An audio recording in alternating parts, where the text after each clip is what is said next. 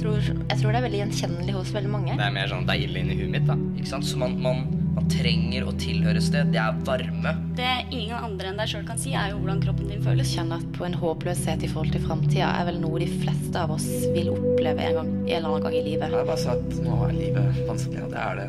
Det er nå. Dette er Hverdagssyken.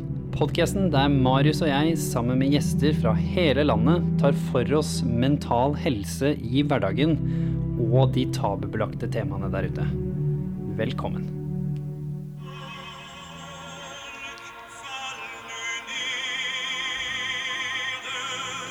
Og da er det jul, hører vi her. Og som vi fortsetter jo den trenden at vi har lært oss at det, det, er lov å spille litt av en sang for å minne folk på en viktig julesang som man kan finne på Spotify. Og hvilken sang var det her, Anne Kristine? Det var O helga natt.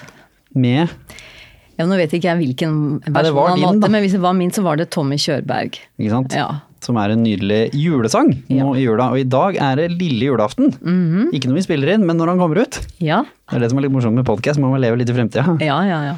Ja, for nå sitter jeg mest sannsynlig og venter på hovmesteren og går i vinden, jeg ja, altså. Ja, du er en av dem, ja. ja. Jeg var på julekonsert med Chris Medina i går, og han har jo da tilbrakt en god kompis av meg, som har tilbrakt da sine tre første juler i Norge, så han syns det er litt morsomt da med tradisjonene våre. og så skal han fortelle om da hvor han bare hva er det dere driver med? Dere sitter og ser på TV og ser på en som surrer rundt et bord og blir bare fullere og fullere han bare hva, hva, er det her? Han bare, og så lo han litt, da. Så, sånn, så hører folk bak deg, de kjenner seg igjen, og de bare ja ja, dette ser vi på. Hvorfor ser vi på dette her? Jeg håper at det er fordi at folk liker tradisjon. Ja, og å gjøre det samme år etter år gir jo en, en, trygghet, og det er jo noe som man har med seg helt fra barndommen. Barna vil jo helst at du leser den samme boka om igjen og om igjen og om igjen. Så jeg velger å tro at det er det folk liker ved å se 'Grevinnen og hovmesteren', og ikke det at det er en mann som holder på å drikke seg i hjel.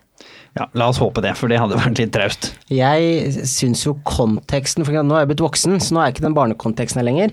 Men jeg husker fortsatt, sånn jeg, altså, gamle dager, at onkelen min han ler like godt hvert år.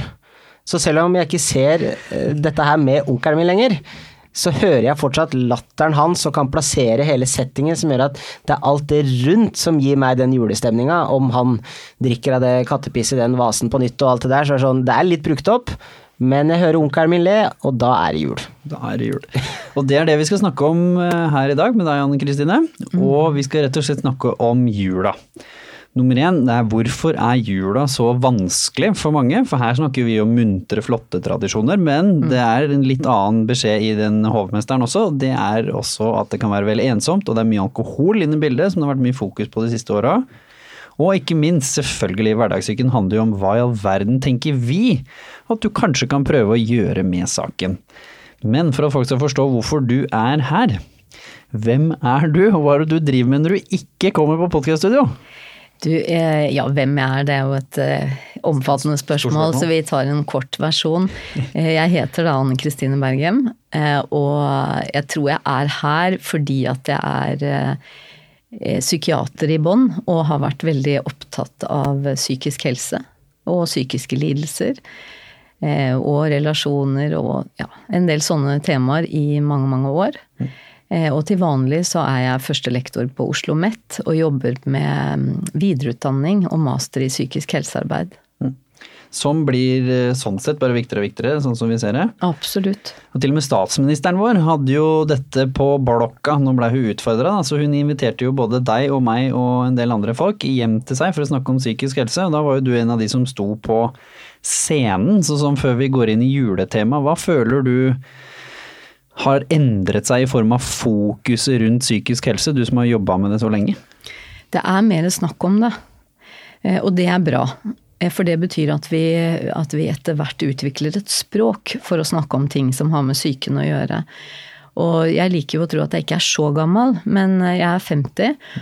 Og da jeg var ung, så Jeg kan ikke huske at vi hadde noe språk for å snakke om eh, vonde følelser eller vanskelige følelser.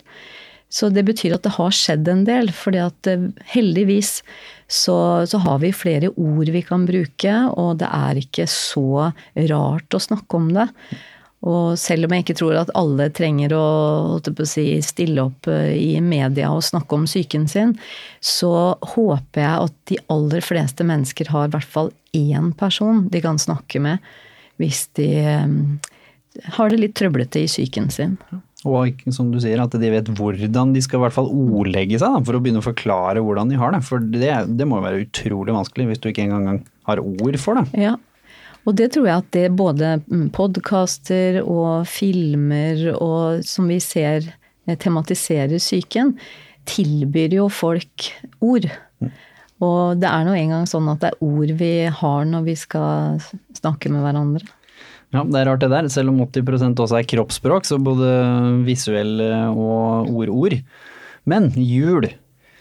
Hvorfor er jul egentlig noe som kanskje er noe av det flotteste vi har av tradisjoner? Noe av de største tradisjonene vi har, spesielt da i kristne land selvfølgelig. Ehm, men også sånn kulturell popkulturaktig. Det har jo blitt en stor greie som egentlig alle mulige folk feirer, selv om det ikke har noen tilknytning til, til Jesus og disse tingene som skjedde i form av bibelfortellingen.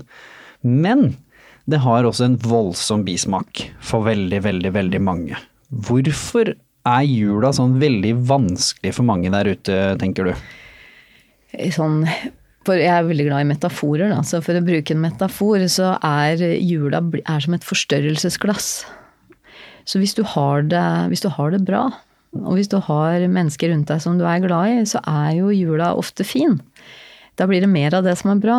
Men hvis du ikke har det så bra, altså hvis du er ensom, så kan ensomheten måtte føles sterkere.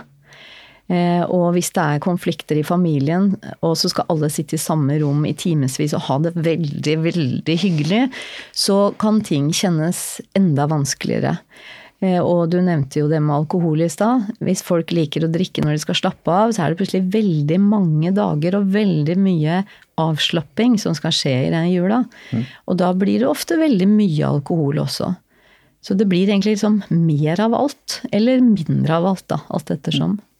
Hva slags erfaringer har du, Marius? Har du både noen gode og noen eh, litt tøffere eksempler på hvordan jula både kan være god og dårlig? holdt jeg på å si? Altså jeg, jeg, har tenkt litt oftere over dette her i seinere år, fordi jeg syns det, det, er så vanskelig Eller jeg er ikke glad i jula. Det er sikkert uh, teit å si, med tanke på at uh, ramma jeg er i, den burde egentlig tilsatt at jula fortsatt burde vært bra, og bevares. Det er jo masse bra med den. Uh, men jeg vokste opp med at julaften det var en stor, stor familiegreie. Jeg har egentlig veldig stor familie. Uh, I seinere tid sant, så har jeg skilte foreldre. Uh, det lager jo litt kjepper i hjula på den perfekte julestemninga.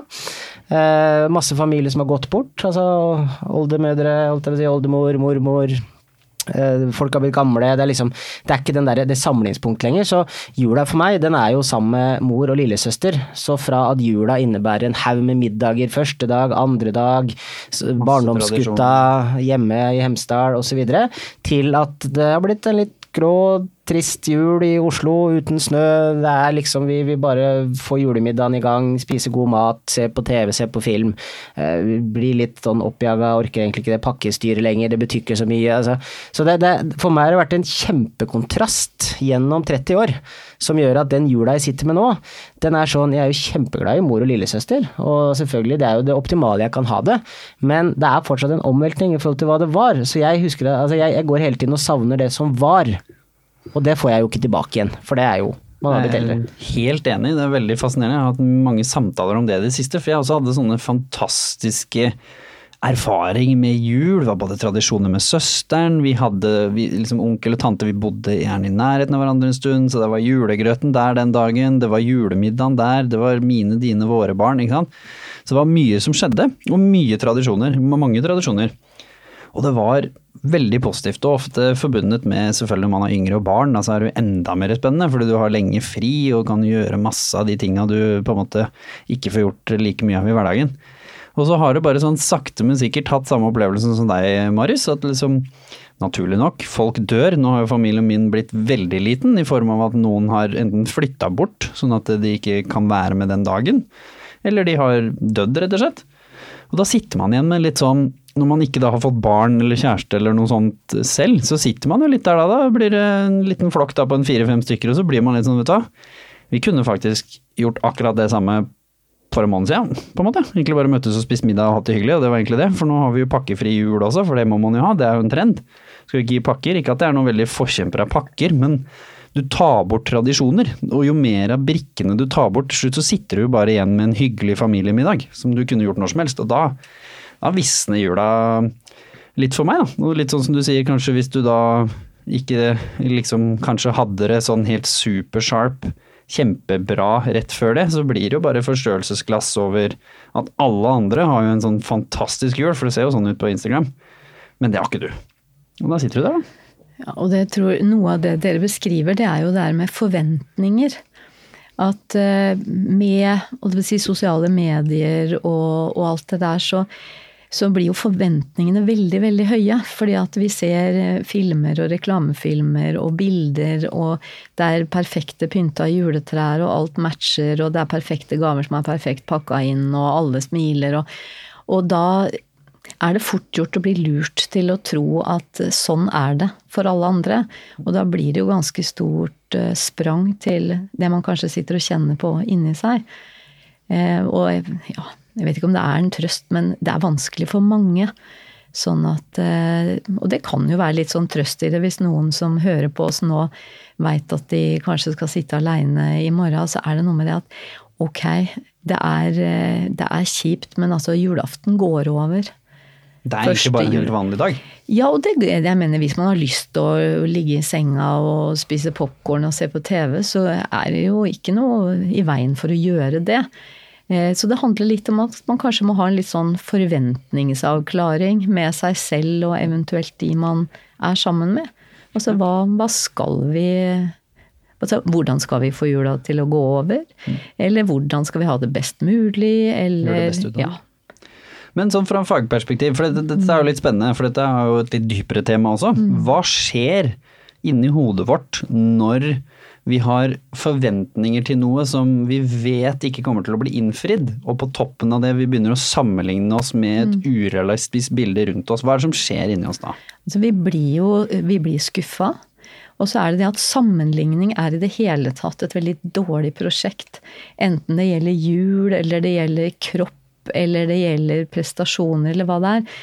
Hver gang vi sammenligner oss med noen, og kommer ut måte, tapende av den sammenligninga, så får vi det litt mindre bra.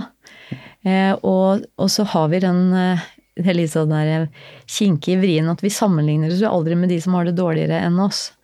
Eh, vi legger opp til skuffelse fordi at vi sammenligner oss med de som er penere, flinkere, mer vellykka, har det hyggeligere og mer glamorøst. For det går fint an å sammenligne seg med noen som har det ganske mye dårligere enn oss. Da ville vi kommet bra ut, men det gjør vi ikke. Og ikke minst nå med sosiale medier-kjøret, så mm. sammenligner vi også med et urealistisk bilde av hvordan det egentlig er. Vi skal jo ha Martine eh, Halvorsen, nei? Jo. jo fy fader, det er første gang jeg huska to navn, tror jeg, i mitt liv. Etter nyttår, som da snakker om eh, livet bak fasaden. Hun er jo en stor influenser som da prøvde å leve fasadelivet, bestemte seg for at nei, det her går jo ikke. fordi dette, Jeg kan ikke vise dette bildet rundt. Hun hadde en søster som var fem år yngre enn seg, og hun så liksom skadene dette gjorde da. Mm. Så da blir det liksom enda verre, når du til og med ikke engang sammenligner deg med noe som er ekte. Mm. På andre sida av dette. Jeg har en venninne, hun gjør en veldig fin variant av, eh, av julekort. For på den ene sida så er det sånn hyggelige bilder med smil og god jul, og på andre sida er det bilder av alle fiaskoene i løpet av året. Sånn derre da man glemte Mista nøkkelen på fjelltur og måtte få noen til å komme kjørende opp 50 eh, mil med ny nøkkel og altså alle de tingene som ikke går så bra. Og det er, og jeg vet veldig godt hvilken side av det julekortet som er min favoritt. Mm. Det er jo det derre å tørre å vise fram de gangene man tabber seg ut og jeg har, jeg har jo f.eks. en veldig fin historie som jeg gjerne deler til alle som har gjort eh, som har syntes at de har tabba seg ut litt. Jeg har reist til NIS med min sønns pass. Det gikk veldig dårlig. Nei jeg er jo her nå, så det gikk jo bra. Men, men det var sånn der jeg skulle av gårde på tur og, og, og på flyet og ned og lander i NIS og kommer til passkontrollen og skal åpne det og vise fram. Og så sier jeg at det er min sønns pass. Hva tenker du da? Da lukka jeg det igjen. Så tenkte jeg at hvis jeg åpner på nytt igjen nå, så er det mitt eget. Men det var ikke sånn. Og så så han nok min genuine forbauselse i ansiktet mitt, han som sto der. Han sa jeg har egentlig ikke lov, men jeg skal slippe deg inn. Men det er ikke sikkert du kommer deg ut igjen. Så jeg tilbrakte stort sett den første dagen med å ringe rundt til diverse ambassader og endte på toget til Monaco med et raskt besøk på det norske konsulatet der med et nødreisedokument. Så men sånt kan også skje. Mm. Så jeg synes vi vi skal, dele mange flere av de der Oi, der jeg kunne, jeg kunne ikke skylde på noen engang. Det var bare min egen feil. Ja. ja. Men la oss da vri disse siste gode 25 minuttene her nå på lillejulaften over til hva skal vi gjøre med saken, da? Hvis vi begynner med å ta forventningsjusteringer først. Hvordan gjør man en forventningsjustering, men uten å bli så negativ? For du kan jo bare si at julaften er bare en vanlig dag, vi skal bare legge oss i senga og, og sove oss gjennom det, men det er jo ikke noe god langsiktig løsning her. Nei, eller det kan jo være det. Altså, det er ikke noen dårlig dag eh, det behøver ikke å være noen dårlige dagene. det. Men eh, jeg tror det aller viktigste er å, å finne ut litt at hva, hva, har jeg lyst til å få ut av julaften og de fridagene jeg har? Mm. Eh, og da kan det jo hende at det er ikke sikkert at det man egentlig har mest lyst til, er å være sammen med masse folk og sitte i med stiletthæler og, og hold in og, og sånn. Det er ikke sikkert at det er det som er så stas. Kanskje er det det å, å slappe av. Kanskje er det det å, å, være sammen med de nærmeste, og da kan jo eh, to familiemedlemmer være, eh, være faktisk veldig bra. Men da må du ikke, må ikke sammenligne med 50 familiemedlemmer. Eh, men å tenke det at er det har, hvem er det egentlig jeg har mest lyst til å være sammen med? Jo, det er mine nærmeste, og det får jeg muligheten til. Og, og selvfølgelig hvis man da ikke har noen nærmeste, så kan man jo si hva har jeg lyst til å få ut av jula? Og da kan man jo velge mellom å ligge i senga hvis man har lyst til det. Ellers så fins det faktisk veldig mange arrangementer hvor man både kan være gjest, men også hvor man kan være frivillig. Eh, og jeg er jo veldig opptatt av barn og unges oppvekstvilkår. Og jeg vet jo at f.eks. Barnas stasjon, som finnes i en del byer i Norge, der trenger man frivillige som da gjør i stand julaften for eh, familier med små barn, som enten ikke har så mye penger, eller som har det strevsomt. Kan være en far i fengsel eller eh, Altså whatever.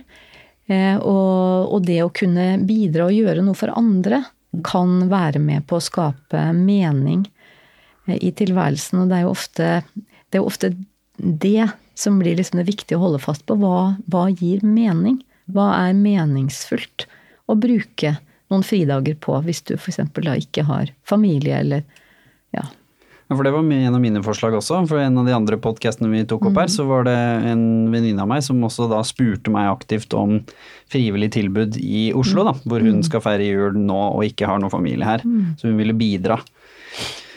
Og det føler jeg liksom er så god måte å sørge litt for at nummer én, du får, du får, gjort noe hyggelig. Og det er jo hyggelig, fordi det er jo faktisk det jula også handler om, tradisjonelt sett. Å hjelpe og bidra og bry seg. Mm.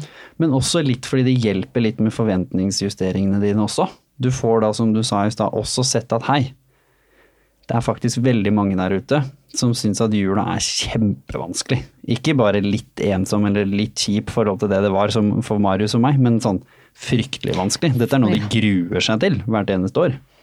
Ja, og jeg har sjøl jobba mange juler. Eh, både da jeg var student og jobba ekstra i psykisk helsevern. Og jeg har jobba også etter at jeg ble ferdig utdanna, så har jeg jo jobba, gått vakter. Og egentlig eh, så, er det ganske ålreit.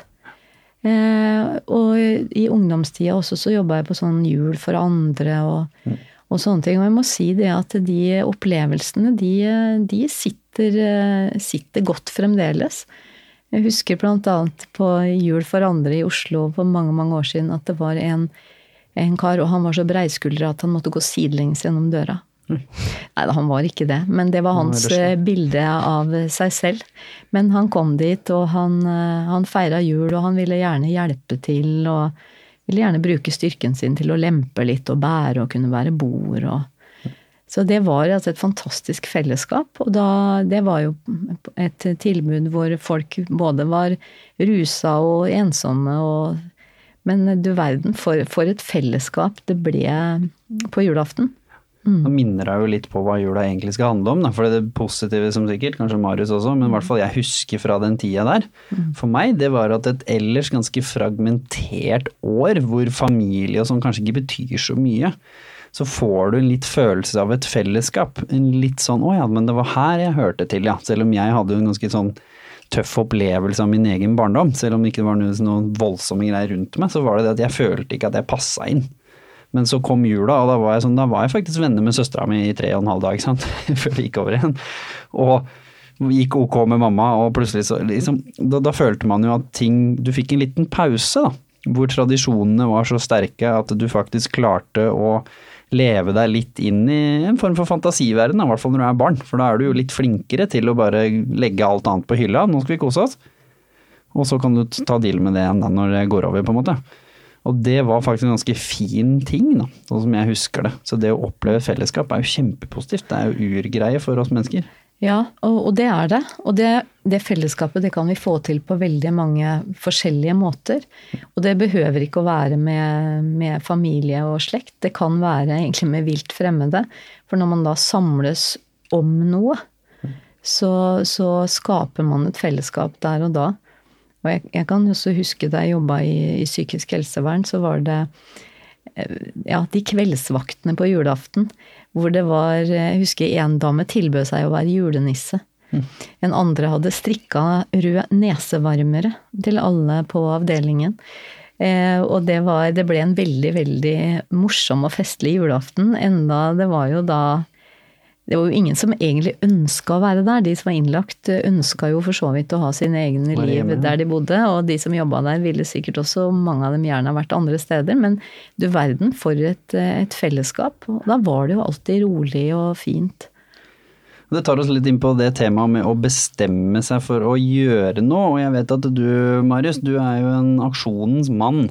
Med din historie så har jo du også forståelse av at du kan faktisk også påvirke hvordan du reagerer og hvordan du har det.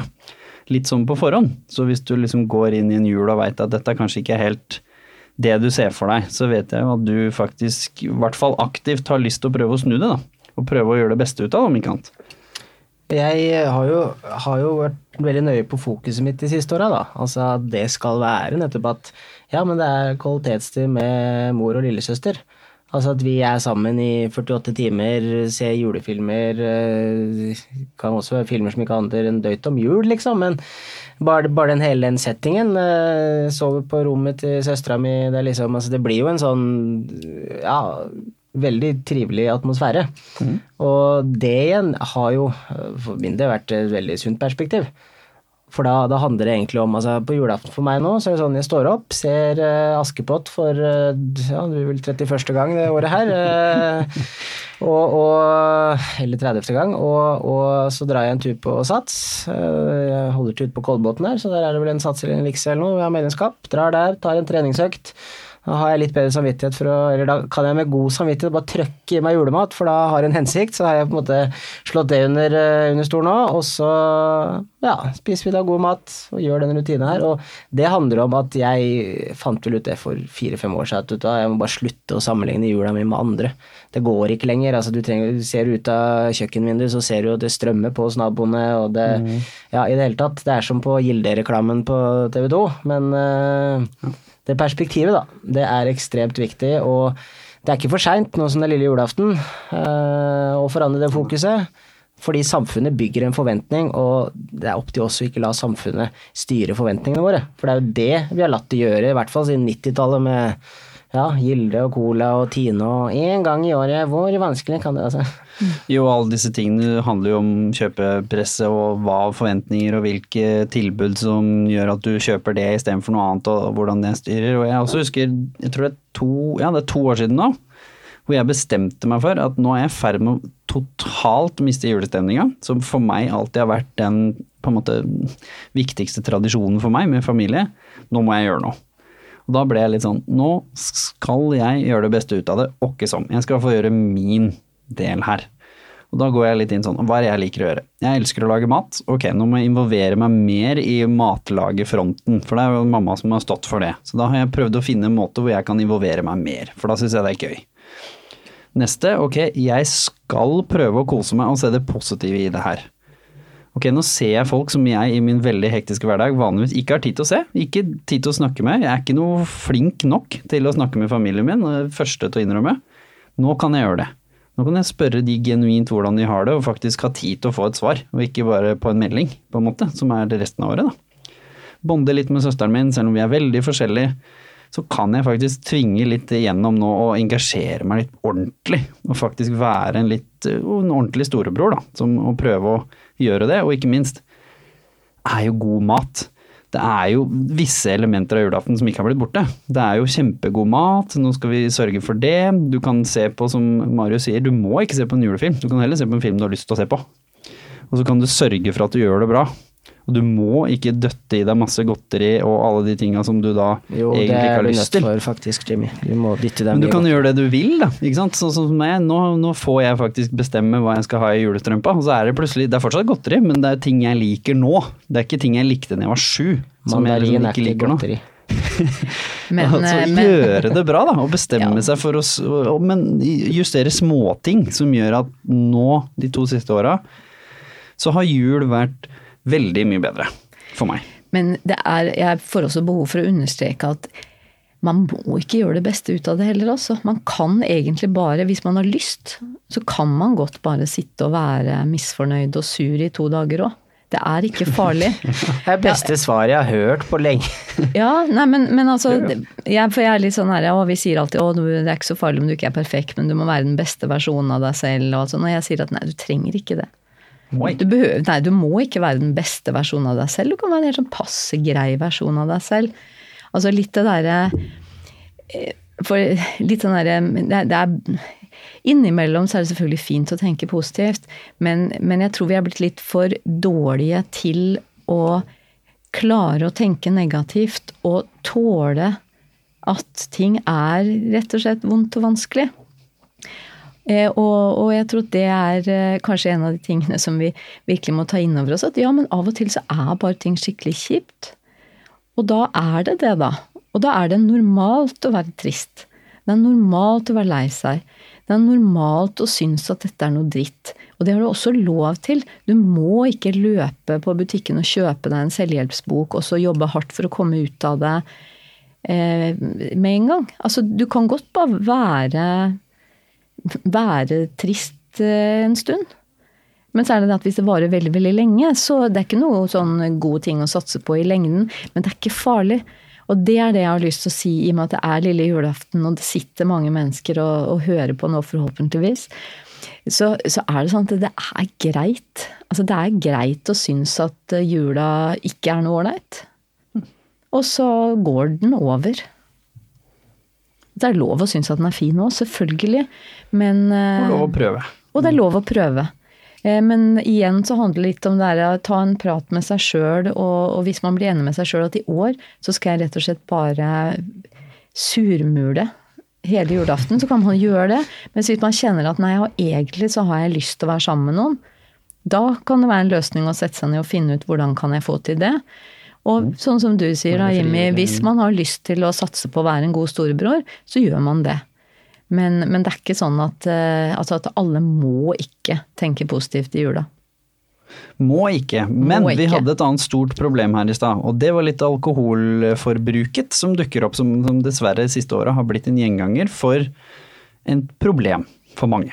Mm. Og nå er det jo en del sånn aktive reklamer og kampanjer, og at foreldre skal være mer påpasselige, kanskje spesielt med tanke på at det er barn involvert og sånn.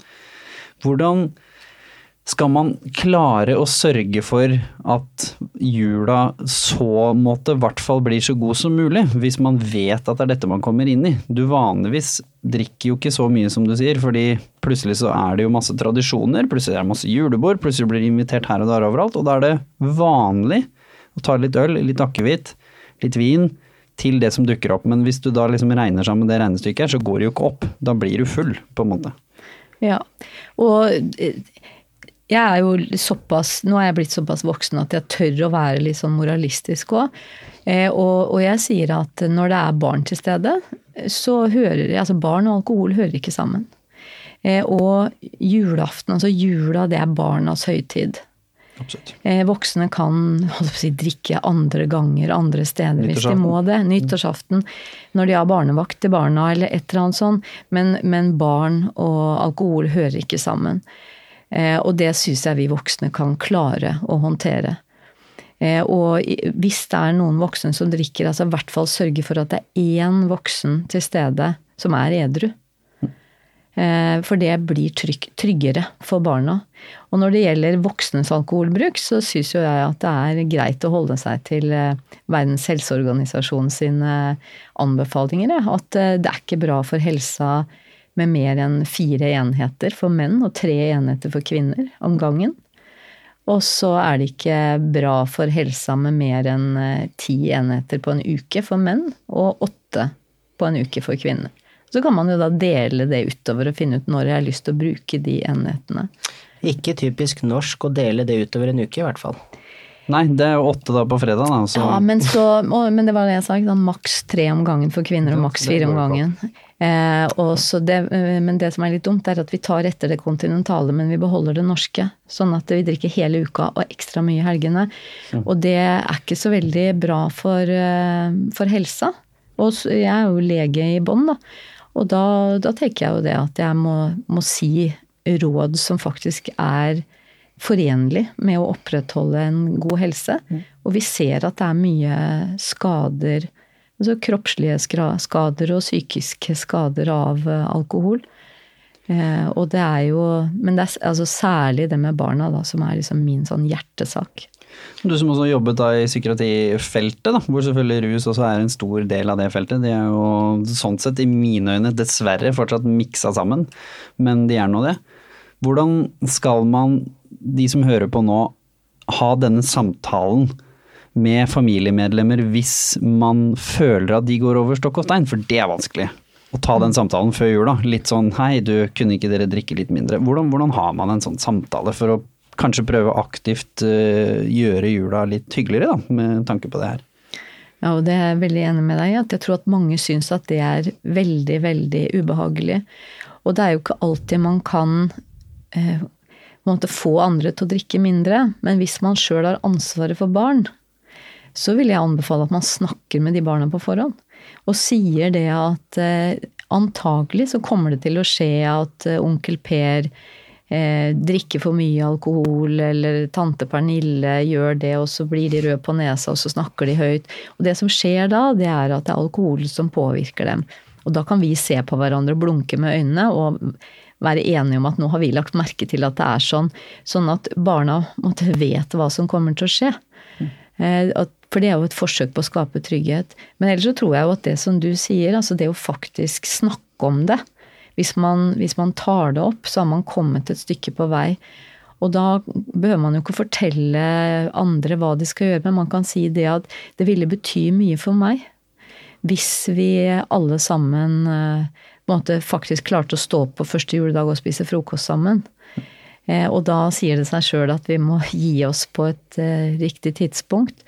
Eller man kan bli enige om at skal vi, hvis jeg syns at det går litt for langt, kan jeg si fra til deg da?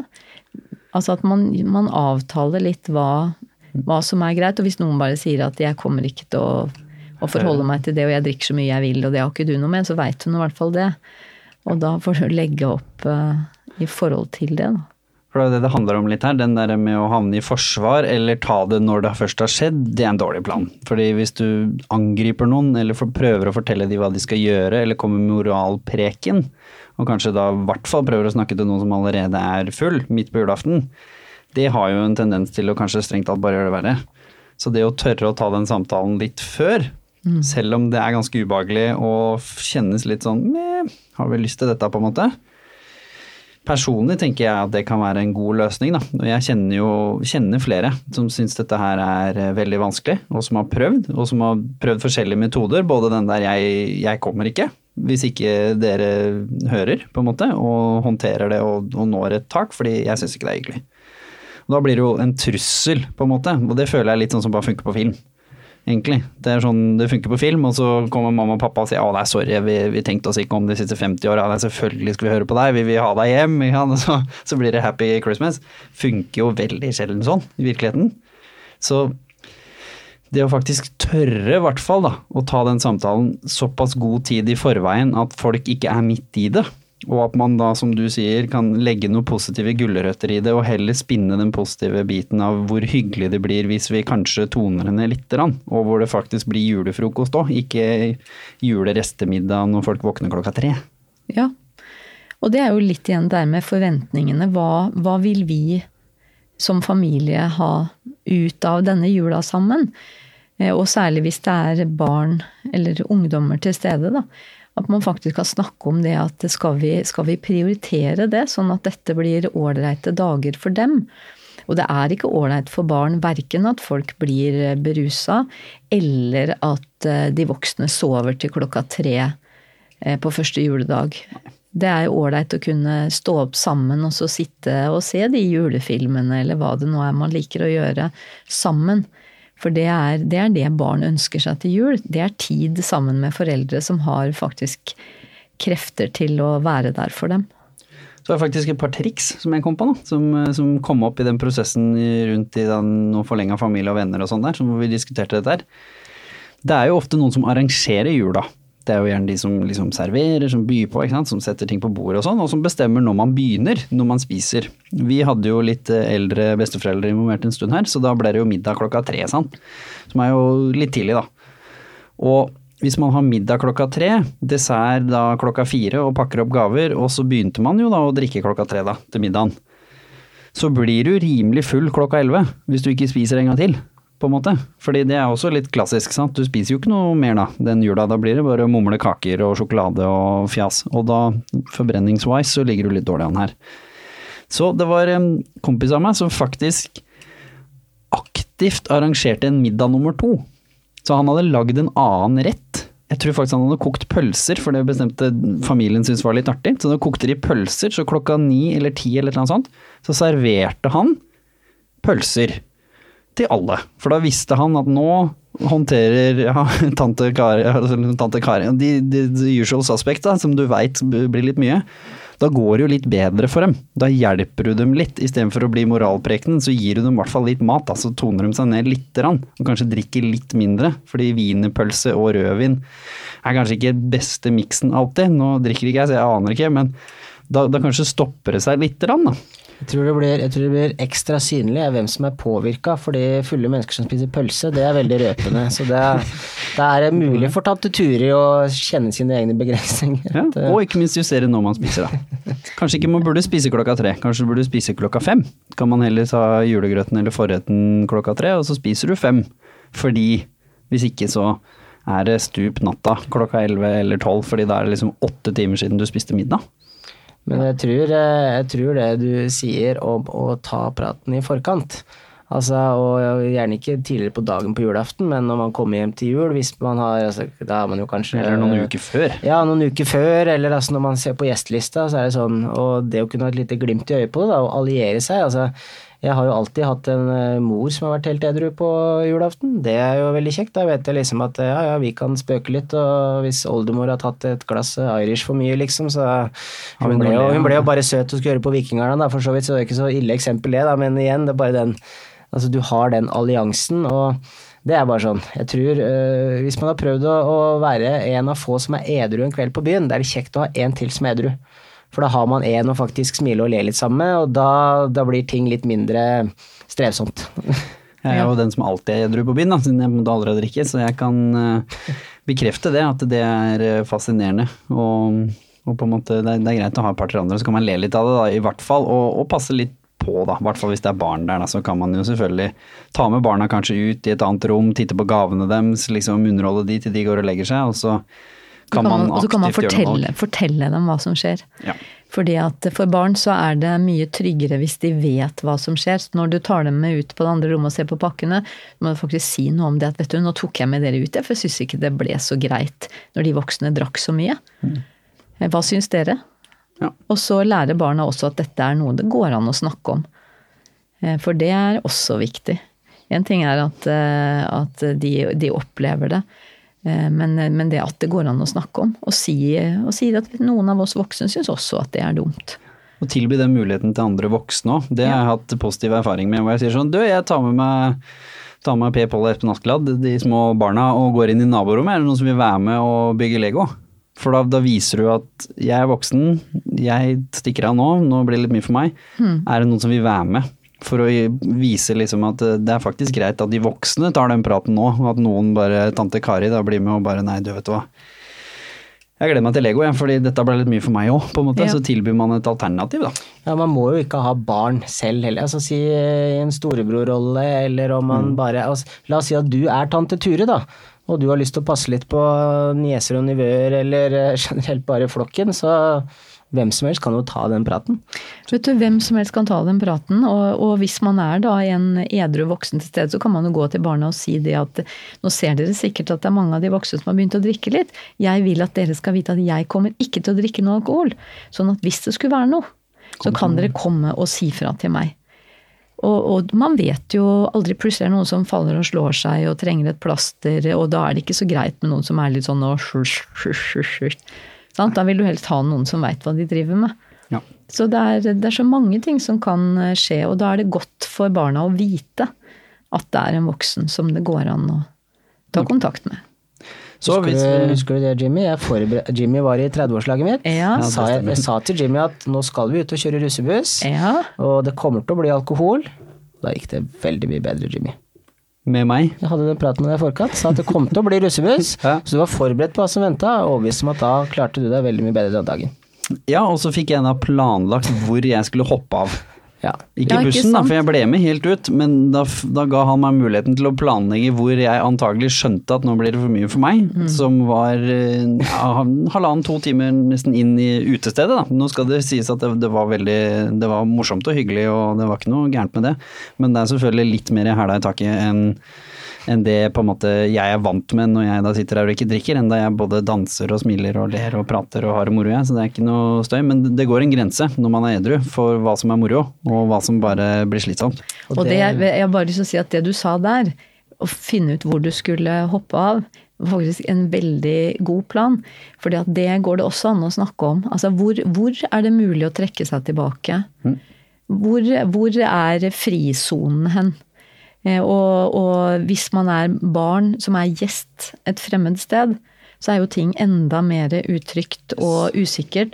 Og man har ikke rommet sitt hvor man kan kanskje trekke seg tilbake og til og med kanskje låse døra hvis man har behov for Når det. du sover på sofaen, som er i stua. sant? Sånn at det å si det at nå har vi ett rom som Og jeg kan bare skrive plakat på døra, der er det alkoholfri sone. Sånn at der, hvis man syns det blir litt for mye, så kan man gå inn eh, der og, vite det at der, der er det rolig og fredelig. Så, så det å, ja, å snakke litt, og det jeg bare lyst til å si noen reiser kanskje bort også. eh, Og drar til Thailand eller et eller annet sted og feirer jula der. Sånn. Og da er det enda verre for barn, fordi at da har de ikke kjente omgivelser engang. Så, så voksne som tar med seg barn på tur, de har et spesielt stort ansvar for å sørge for at det fins trygge baser og trygge voksne for barna. Og hvis vi skal eh, runde av her nå, hva ville vært en sånn avslutningsråd, tips, refleksjoner du ville kommet med til folk som sitter der nå? Nå er det lille julaften. Kan hende til og med de hører den på julaften. Det kan hende de hører den på første juledag. Det er egentlig det samme. Kan hende de hører den mange ganger til og med. Hvem vet? Det er lov å håpe. Det liker jo vi.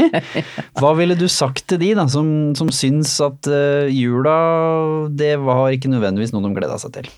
Hva tror du folk kan Hva er alternativene, på en måte?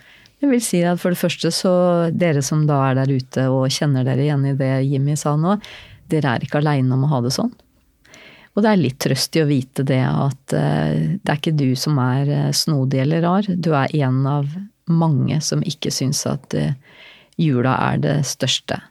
Og det andre er at jula kommer til å gå over i år også. Og vips, så er det 2020. hverdag igjen. Eh, Så det er jo en ting å også ha med seg. Eh, Og det tredje er at finn ut hva du har lyst til å bruke de fridagene til. Og da kan et alternativ fremdeles være å bare ta det helt med ro og ligge i senga hvis man har lyst til det. Det andre er jo hvis man har lyst til å være sammen med noen, så kan man eh, gå inn på, eh, på nettet og kikke litt rundt hva som arrangeres i nærheten. Det er mange som trenger din hjelp hvis du kjenner at du har overskudd. Og så er det jo, hvis du har lyst til det, så kan du gjøre det beste ut av det. Lage god mat og se om det er noen eh, du kan overraske med, med en middag. Det er mange andre som sitter alene rundt omkring også. Og hvis man er sammen, så kan det jo være like utfordrende. Så, så det er kanskje ta en prat med deg sjøl om hvilke forventninger du har, og så gjør det du som står i din makt for å, å peile deg inn på å få oppfylt de forventningene. Mm.